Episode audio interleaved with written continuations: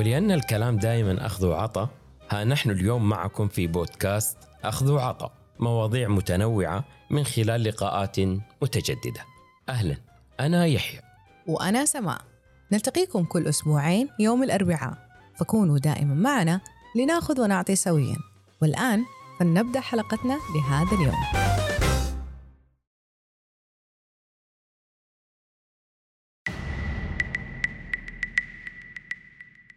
عاجز عن فهم سبب فشلك في الحصول على المزيد من الامتنان أو الترقية في عملك؟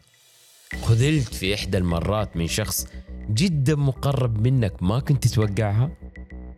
أو استنزف طاقتك أحد التعساء حولك وما أنت عارف تتخلص من هذه الشخصية تحمست يوم من الأيام وأشرقت أكثر من مديرك ورحت فيها أنت ناجح بس ضايع وسط الزحمة وما أنت قادر تبرز نفسك وجهودك وتلفت الأنظار أصبحت خليفة لشخص ناجح ودائما ما يقارنونك بنجاحاته السابقة؟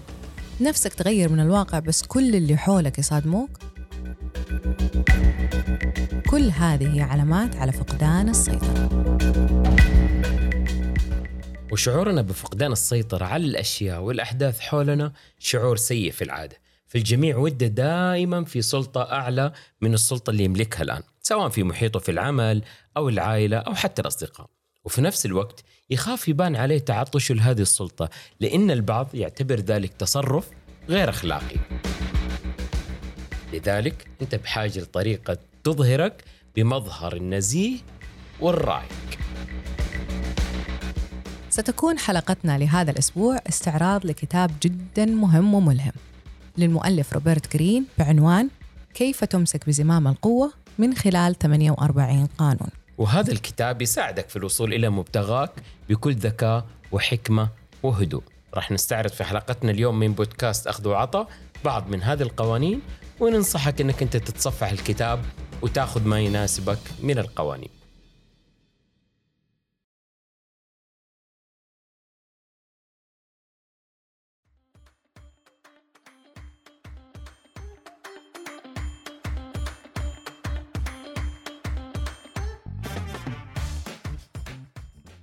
لتصل إلى قمة السلطة وتتعلم كيف تتفوق في المناورة على خصومك بطرق ذكية وخفية يعلمنا المؤلف في مقدمة الكتاب عن بعض الأساليب المهمة لجلب السلطة.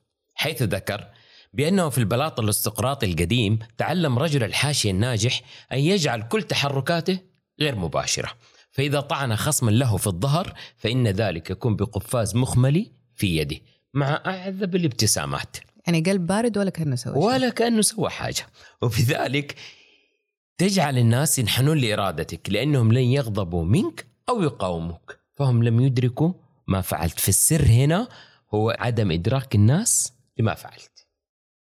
كما حذر الكاتب من الأشخاص الذين يعتبرون ممارسة لعبة السلطة عن وعي مقصود فكرة شريرة أو تنم عن عدم الفضيلة لأن هؤلاء الأشخاص يعتبرون من أبرع ممارسي لعبة السلطة. لأنهم يستخدمون كشف نقاط ضعفهم وانعدام السلطة لديهم كنوع من الفضيلة الأخلاقية وذكر كل أساليبهم في قانون رقم 22 خطة الاستسلام المقصودة. كما أكمل الكاتب في كتابه الحديث عن الصفات الضرورية التي لابد أن تتحلى بها قبل تطبيق قوانين السلطة ومن هذه الصفات القدرة على التحكم في عواطفك وأهمها الحب والغضب لأن العواطف تلبد العقل بالغيوم وتعميك عن هدفك. وعليك أن تحترس في كيفية التعبير عنهما. كذلك ذكر من الصفات أنه يجب ألا يفاجئك شيء. فكر في المستقبل بكل التوقعات اللي من الممكن أنها تحدث وكمان لا يعطلك الماضي. تعلم من ماضيك وثقف نفسك من التجارب السابقة. تعلم اللعب بالمظاهر وارتدي. أقنعة كثيرة مع التركيز على عدم اعتبار المخادعة تصرف غير أخلاقي. لأن كل أنواع التفاعل الإنساني تتطلب نوع من الخداع على مستويات كثيرة. انظر إلى نفسك وقيمها من بعيد وبتجرد.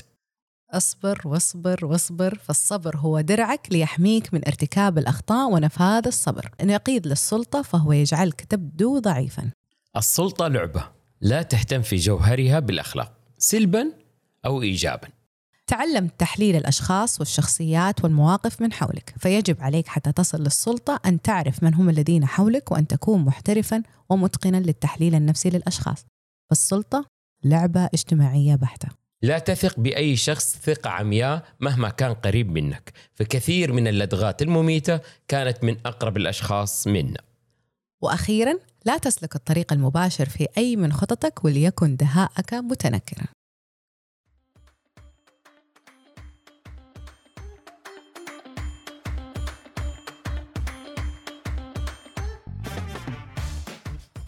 إن هذه القوانين دروس سلبية وإيجابية يجمع بينها عنصر التشويق من جهة وتطبيقات في الحياة العملية على أرض الواقع من جهة أخرى سواء أحبها المرء أم كرهها. ذلك أنها تصوير لما حدث وليس كما ينبغي أن يحدث. ووصف للبشر كما هم بالفعل وليس كما يتمنى المرء أن يكونوا عليه. وقد ينفر القارئ من طريقة مخاطبة المؤلف له أحيانا وكأنه يحرضه على الأنانية. أو على إساءة الظن بالناس. وليس القارئ ملزما بالأخذ بما يوصي به المؤلف أو بالتصرف بالطريقة التي يراها. ولكن من المفيد له أن يلم بتجارب الآخرين المجموعة هنا. وأن يسعى نحو ما هو أفضل وأكمل. وأن لا ينخدع لأن المؤمن كيس فطن وأن يستخدم ذكاؤه وطاقاته للخير. وإذا كان طيبا فلا ينبغي أن تصل به الطيبة إلى حد السذاجة. بحيث يخدعه الخبيث فكلمة الفاروق عمر المشهورة تقول لست بالخب ولا الخب يخدعني. والآن دعونا نستعرض بعضا من هذه القوانين التي اخترناها لسهولة تطبيقها في حياتنا اليومية لمناسبتها لجميع الظروف.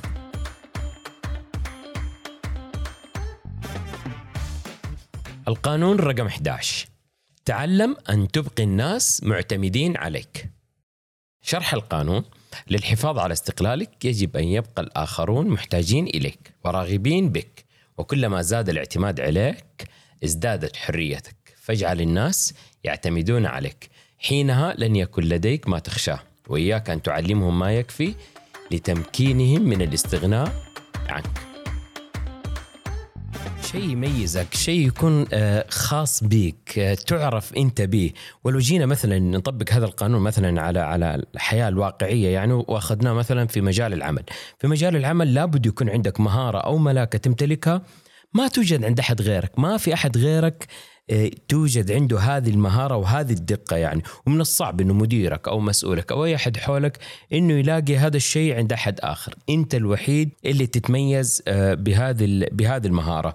آه، فلان راح ينجز هذه المهمة إذا مستحيل أحد ينجزها بهذه الجوده وهذه الدقة مهما كان إلا فلان. اذا اذا هذا القانون أنت تقدر تطبقه إذا تميزت بحاجة يبان الفرق يبان التميز في أدائه آه، من أول نظرة ومن أقرب إنسان يقدر إنه هو يلاحظ هذا الشيء آه، اللي أنت ممكن تقدر توصل له. في هذا الحالة أنت تقدر تطبق هذا القانون بكل سهولة ويسر وخلاص هو لعبتك. لكن لو كنت أنت إنسان عادي شبه البقية في أداء المهمة أو في التميز أو في المهارة أو في حجم المهارة أو في جودة المهارة فما حتقدر إنك أنت تطبق هذا القانون يعني أو ما حيكون هذا القانون لك. وبالمناسبة كل القوانين المذكورة في هذا الكتاب لا يمكن تطبيقها على نحو عادي أو على نحو سهل أو ببساطة أو بالجهود العادية. لازم تتعب وتنمي قدراتك ومهاراتك وتقيم نفسك من فترة لفترة حتى تصل للي تبغاه. أما لو كنت عادي وشخص زيك زي البقية فانت ما راح تفقد السيطره صدقني. انت حتفقد وظيفتك مع أول جولة إعادة هيكلة في الشركة. حيقولوا هذا شخص عادي أو زيه زي البقية. آه، حياخذوا المتميزين حيروحوا يلاقوا يدوروا عن الناس اللي هم عندهم حرفة معينة مهارة معينة شخص متميز. وهنا ذكر الكاتب شغلة جدا مهمة. وقال في بحثك لاكتساب مهارة أو تعزيز مهارة تساعدك في الوصول إلى السلطة ركز على حصولك على نوعين من المهارات. خلينا ناخذهم أو نتعرف عليهم بس بعد الفاصل.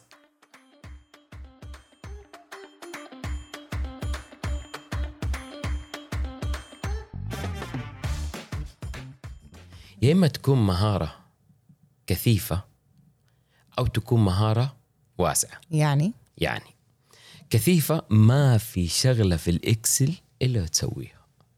أي حاجة في ال Excel معقدة عندك مايكروسوفت مخليك أنت اللي روح كاتبها. بالضبط. روح لسما. خلاص هذه مهارة كثيفة. بمعنى إنه أنت متعمق في هذه المهارة أو في هذا التطبيق أو في هذا البرنامج أو في هذا الشغلة. إنه في حاجة واحدة أنت أنت مركز. متعمق. يا إيه. سلام. تمام. أو يكون الخيار الثاني اللي هو خيار التوسع.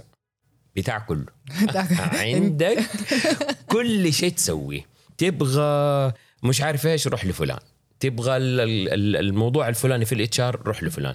تبغى الموضوع الفلاني في ال- القضايا والق... روح لفلان. تبغى المدري إيش في المالية. يعني يكون اسمه في كل في مكان كل مكان. المؤلف هنا بصراحة يعني من خلال القراءة يعطيك خيار الأفضلية وهي وجهة نظر للكثافة. يقول لك الكثافة في حاجة واحدة أفضل من من التوسع. التوسع حريتك شوية حتكون لأنك الكل محتاجك فما حتلاقي مساحة لك. أكيد لأنه الكل حيعتمد. يحتاجك أيوه. لكن حريتك هنا حت حتنحد. أنا عندي عندي عندي شغلة على قولي، هذا الموضوع قولي. إنه حتى وأنت بتخلي الناس معتمدين عليك إحنا ما بنقول إنه إحنا نمنع العلم عن البقية. مم. شاركة خبراتك أو فكرتك أو طريقة إنه أنت تنتج شيء. في أي مجال في الحياة إن كان في البيت العمل بين الأصدقاء وهذا.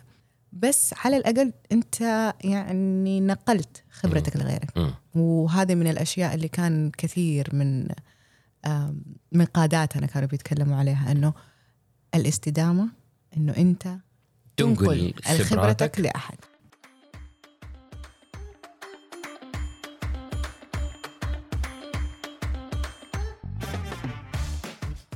في هذه النقطة أو في هذا القانون أعطانا إنذار أخير مرة مرة رائع.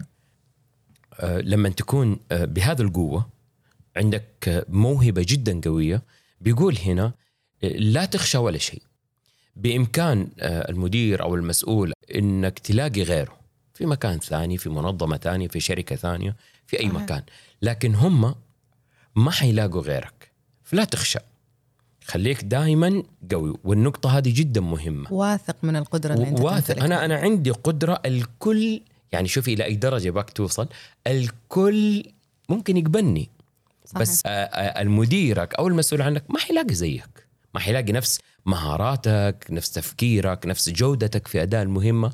فبيأكد على هذه النقطة. كمان ذكر إنذار أخير وركز عليه جدا إنه اعتماد المسؤول عليك أو اعتماد الأشخاص عليك ما يعني بالضرورة إنه يحبك. كون معتمد عليك شغلة وإنه يحبك الحب المشاعري في في في طبيعة العمل. وشغله ثانية مختلفة تماما يعني.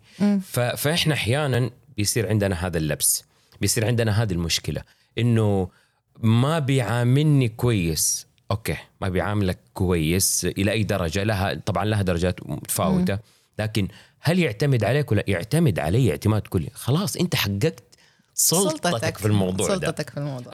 فخليكم دائما آه، في أي مجال في مجالات الحياة إنه تخلي الناس معتمدين معتمدين عليك. معتمد عليك. وهذا الموضوع ما يخص فقط. في مجال العمل في مجال الحياة في مجال الأصدقاء في مجال العائلة في أي مجال من المجالات إحنا بس ضربنا يعني وركزنا ال- ال- الكلام كله على ناحية على- واحدة. على ناحية ال- ناحية العمل.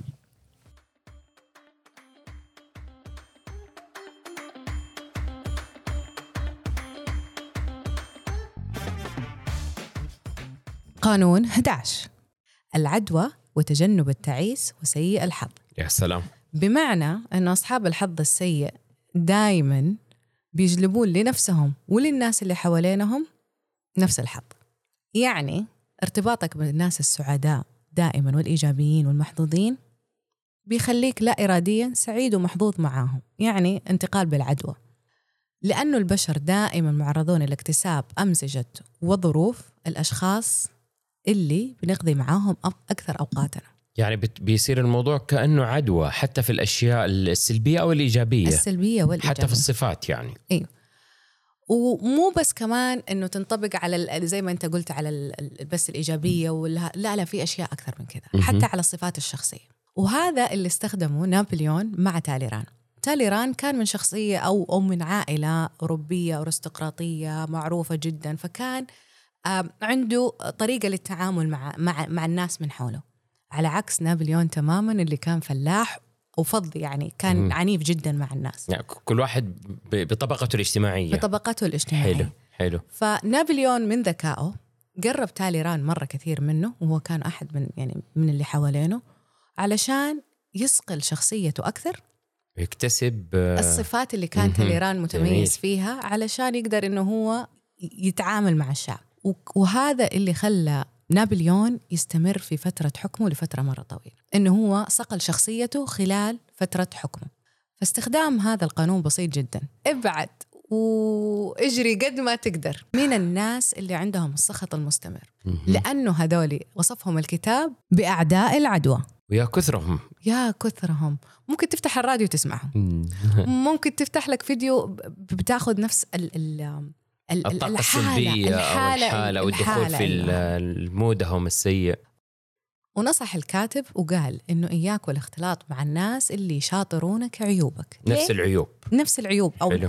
يعني مم. أنت عارف عيوبك ابعد عن الناس هذول إذا أنت عارف إنه أنت حيزيدوا حيزيدوا الطين بلة أيوه أنت حزين اليوم ما له داعي تسمع أغاني حزينة آه. آه، أو ما له داعي إنه لما نشوف أحد يتحلطم كثير ابعد حاول تشيل نفسك وتبعد عنه لأنه حيعزز هذا الشيء فيك ويشدك هذا الشعور السلبي بداخلك أنت. بداخلك أو صفة ممكن أنت مم. آه، ما أنت حابب إن هي تكون فيك. فالوعي بأكثر الأشخاص اللي ممكن يأثروا عليك آه، من أكثر الأشياء اللي شدد عليها الكتاب وهم أشد غدرا أصحاب السخط المستمر هم دائما حيعطوك من العدوى زي ما أنت تبغى. طول ما أنت فاتح أو أو مشرع أبوابك إن أنت تكتسب من الغير وإحنا دائما نكتسب أو لا تسمع ارادي منهم. أو تسمع منهم أنت راح تتأثر فيها. يعني يعني كأنه ملخص ملخص القانون هذا بيقول إنه آه الإنسان سواء كان التعيس أو الإنسان السعيد احتكاكك بأي شخص فيهم أنت بتكتسب منه. صحيح. فابحث دائما عن الناس اللي تكتسب منهم آه السلطة لأنه هذا الشيء آه زي ما ذكر إنه آه عدوى. عدوى. فأنت مثلا سوي زي مم. نابليون قرب الناس اللي أنت نفسك تكون مثلا الصفات مدير القي- ناجح في عملك أيوه الصفات آه، القيادية الصفات شخص كريم في حياتك قارينه بالمقارنة يقتدي. يقتدي. يعني العدوى ما هي ما هي بمفهوم الكتاب إنه العدوى ما هو مو شيء سلبي مو يعني شيء. ممكن يكون شيء إيجابي أو ممكن إنه أنت تجلب الأشياء السلبية تجنب التعيس أجروا من أي أحد عنده سخط مستمر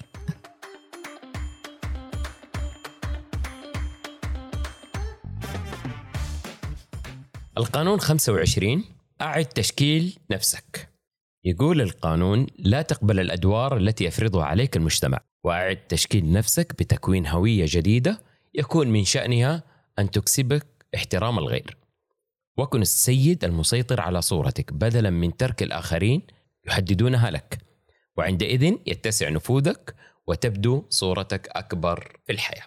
يعني إنه الشخصية أو إن الشخص يكون متقلب. نوعا ما.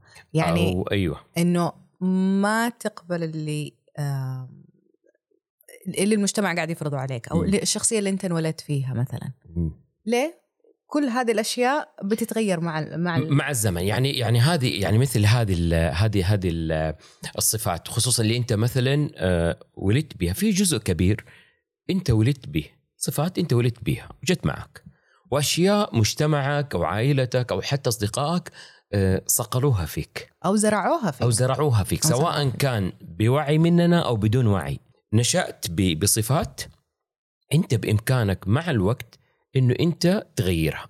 دائما هنا في القاعدة وهنا في القانون بيقول لك حتى تملك السيطرة أنت لازم تعيد تشكيل نفسك. آه، ما في مبدأ إن وجدنا يعني لما وجدنا ابائنا لا إيه. أنت هنا لازم إنه أنت تتغير لازم أنت إن تواكب ال الوقت اللي انت فيه الزمن اللي انت فيه الظروف اللي المقال المكان أو اللي انت. المكان بالضبط، اللي انت بالضبط. فيه لازم انك تتواكبه يعني ما ما بتحدد أو بتكون محدد آه، بشخصية معينة أو بفكرة معينة بفكرة معينة. وخلاص أنا هو كذا ومستمر يعني ويجي هذا الكلام في موضوع مرة خطير أحيانا الأهل بتحدد لأبنائهم هذا الشيء يعني نختلف نتفق آه، يعني الموضوع أخذ وعطاء تمام تمام في موضوع التخصص فتلاقي الولد ما شاء الله تبارك الله مهاراته تقنية بحتة. تلاقي جالس يدرس طب وكم من القصص مرت. أكيد إيه يعني سنة سنتين ثلاثة عاد تشكيل نفسه. والله برافو عليه. ولقيتيه في مكان ثاني مختلف تماما بعيد عن الطب. التخصص اللي اختاروه له اياه. المجتمع والأهل. بالضبط. لا ترضى بأنك أنت تستمر وبنفس التخصص أو بنفس ال ال خلينا نقول حتى الأخلاق حتى على مستوى الأخلاق. واحد أو مثلا آه، تكون معروف عند كل الناس أن أنت شخصية معينة. حاول تغير هذه الفكرة. غير، كانت سلبية غير. وإيجابية حسن من نفسك. هذا اللي إحنا بنقوله. حسن من نفسك عشان أو اكتسب هوية جديدة علشان تكتسب احترام وسلطة الغير. حتى توصل لازم تعيد تشكيل نفسك.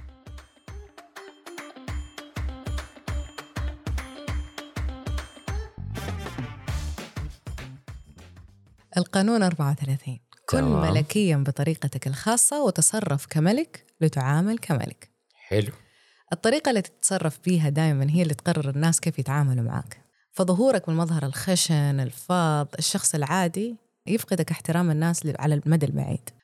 الشاهد هنا كان في الكتاب قصة كولومبوس. كولومبوس استخدم هذا القانون ببراعة مذهلة. يعني. أنا أنا عن نفسي انصدمت لما قريت القصة. كان مفهم الناس إنه هو من عائلة إيطالية وارستقراطية وما في أحد زيه وإنه هو من أفضل البحارين في العالم. ولكن بعض الروايات طلعت إنه هو ابن حائك متواضع.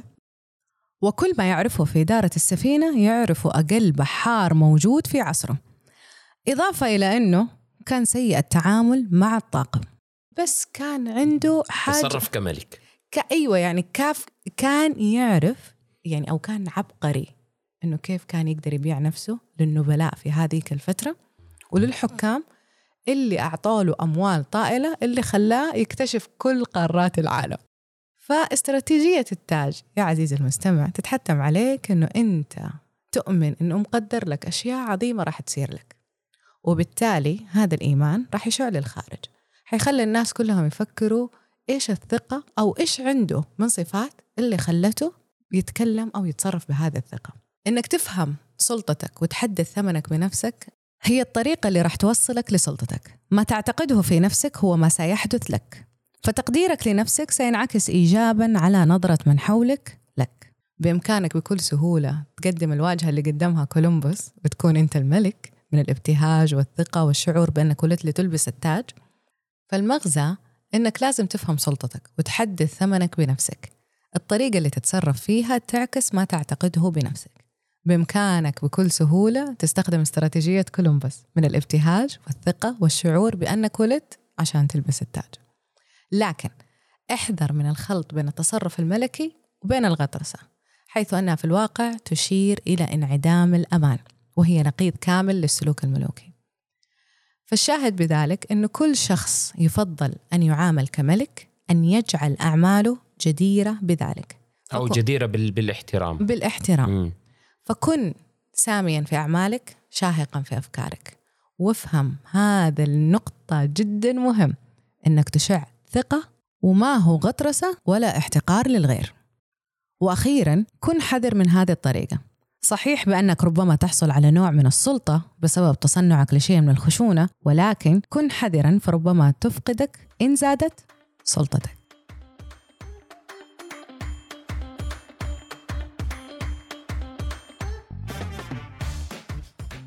إن المطالبة في المساواة بين كل ميادين الحياة وبمعاملة متماثلة للجميع مهما كانت أوضاعهم وقوتهم هي مطالبة غير منصفة لأن بعض الناس يقومون ببعض الأشياء بصورة أفضل من غيرهم فمعاملة الجميع بالتساوي معناها تجنب الفوارق فيما بينهم ورفع كفاءة الأقل مهارة وقمع المبدعين وهذا أسلوب من أساليب السلطة وقعوا فيه المطالبين بعدم تطبيق السلطة دون وعي منهم حيث أنهم يعيدون توزيع المكافآت على الناس بأسلوب يقررونه هم.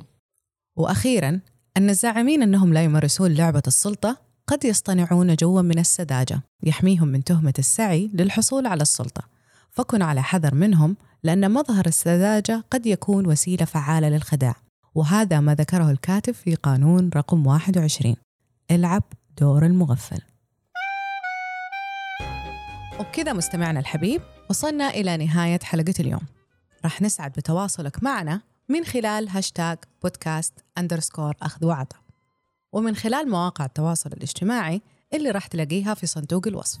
لا تنسى مشاركة حلقتنا مع جميع أصدقائك. إلى اللقاء.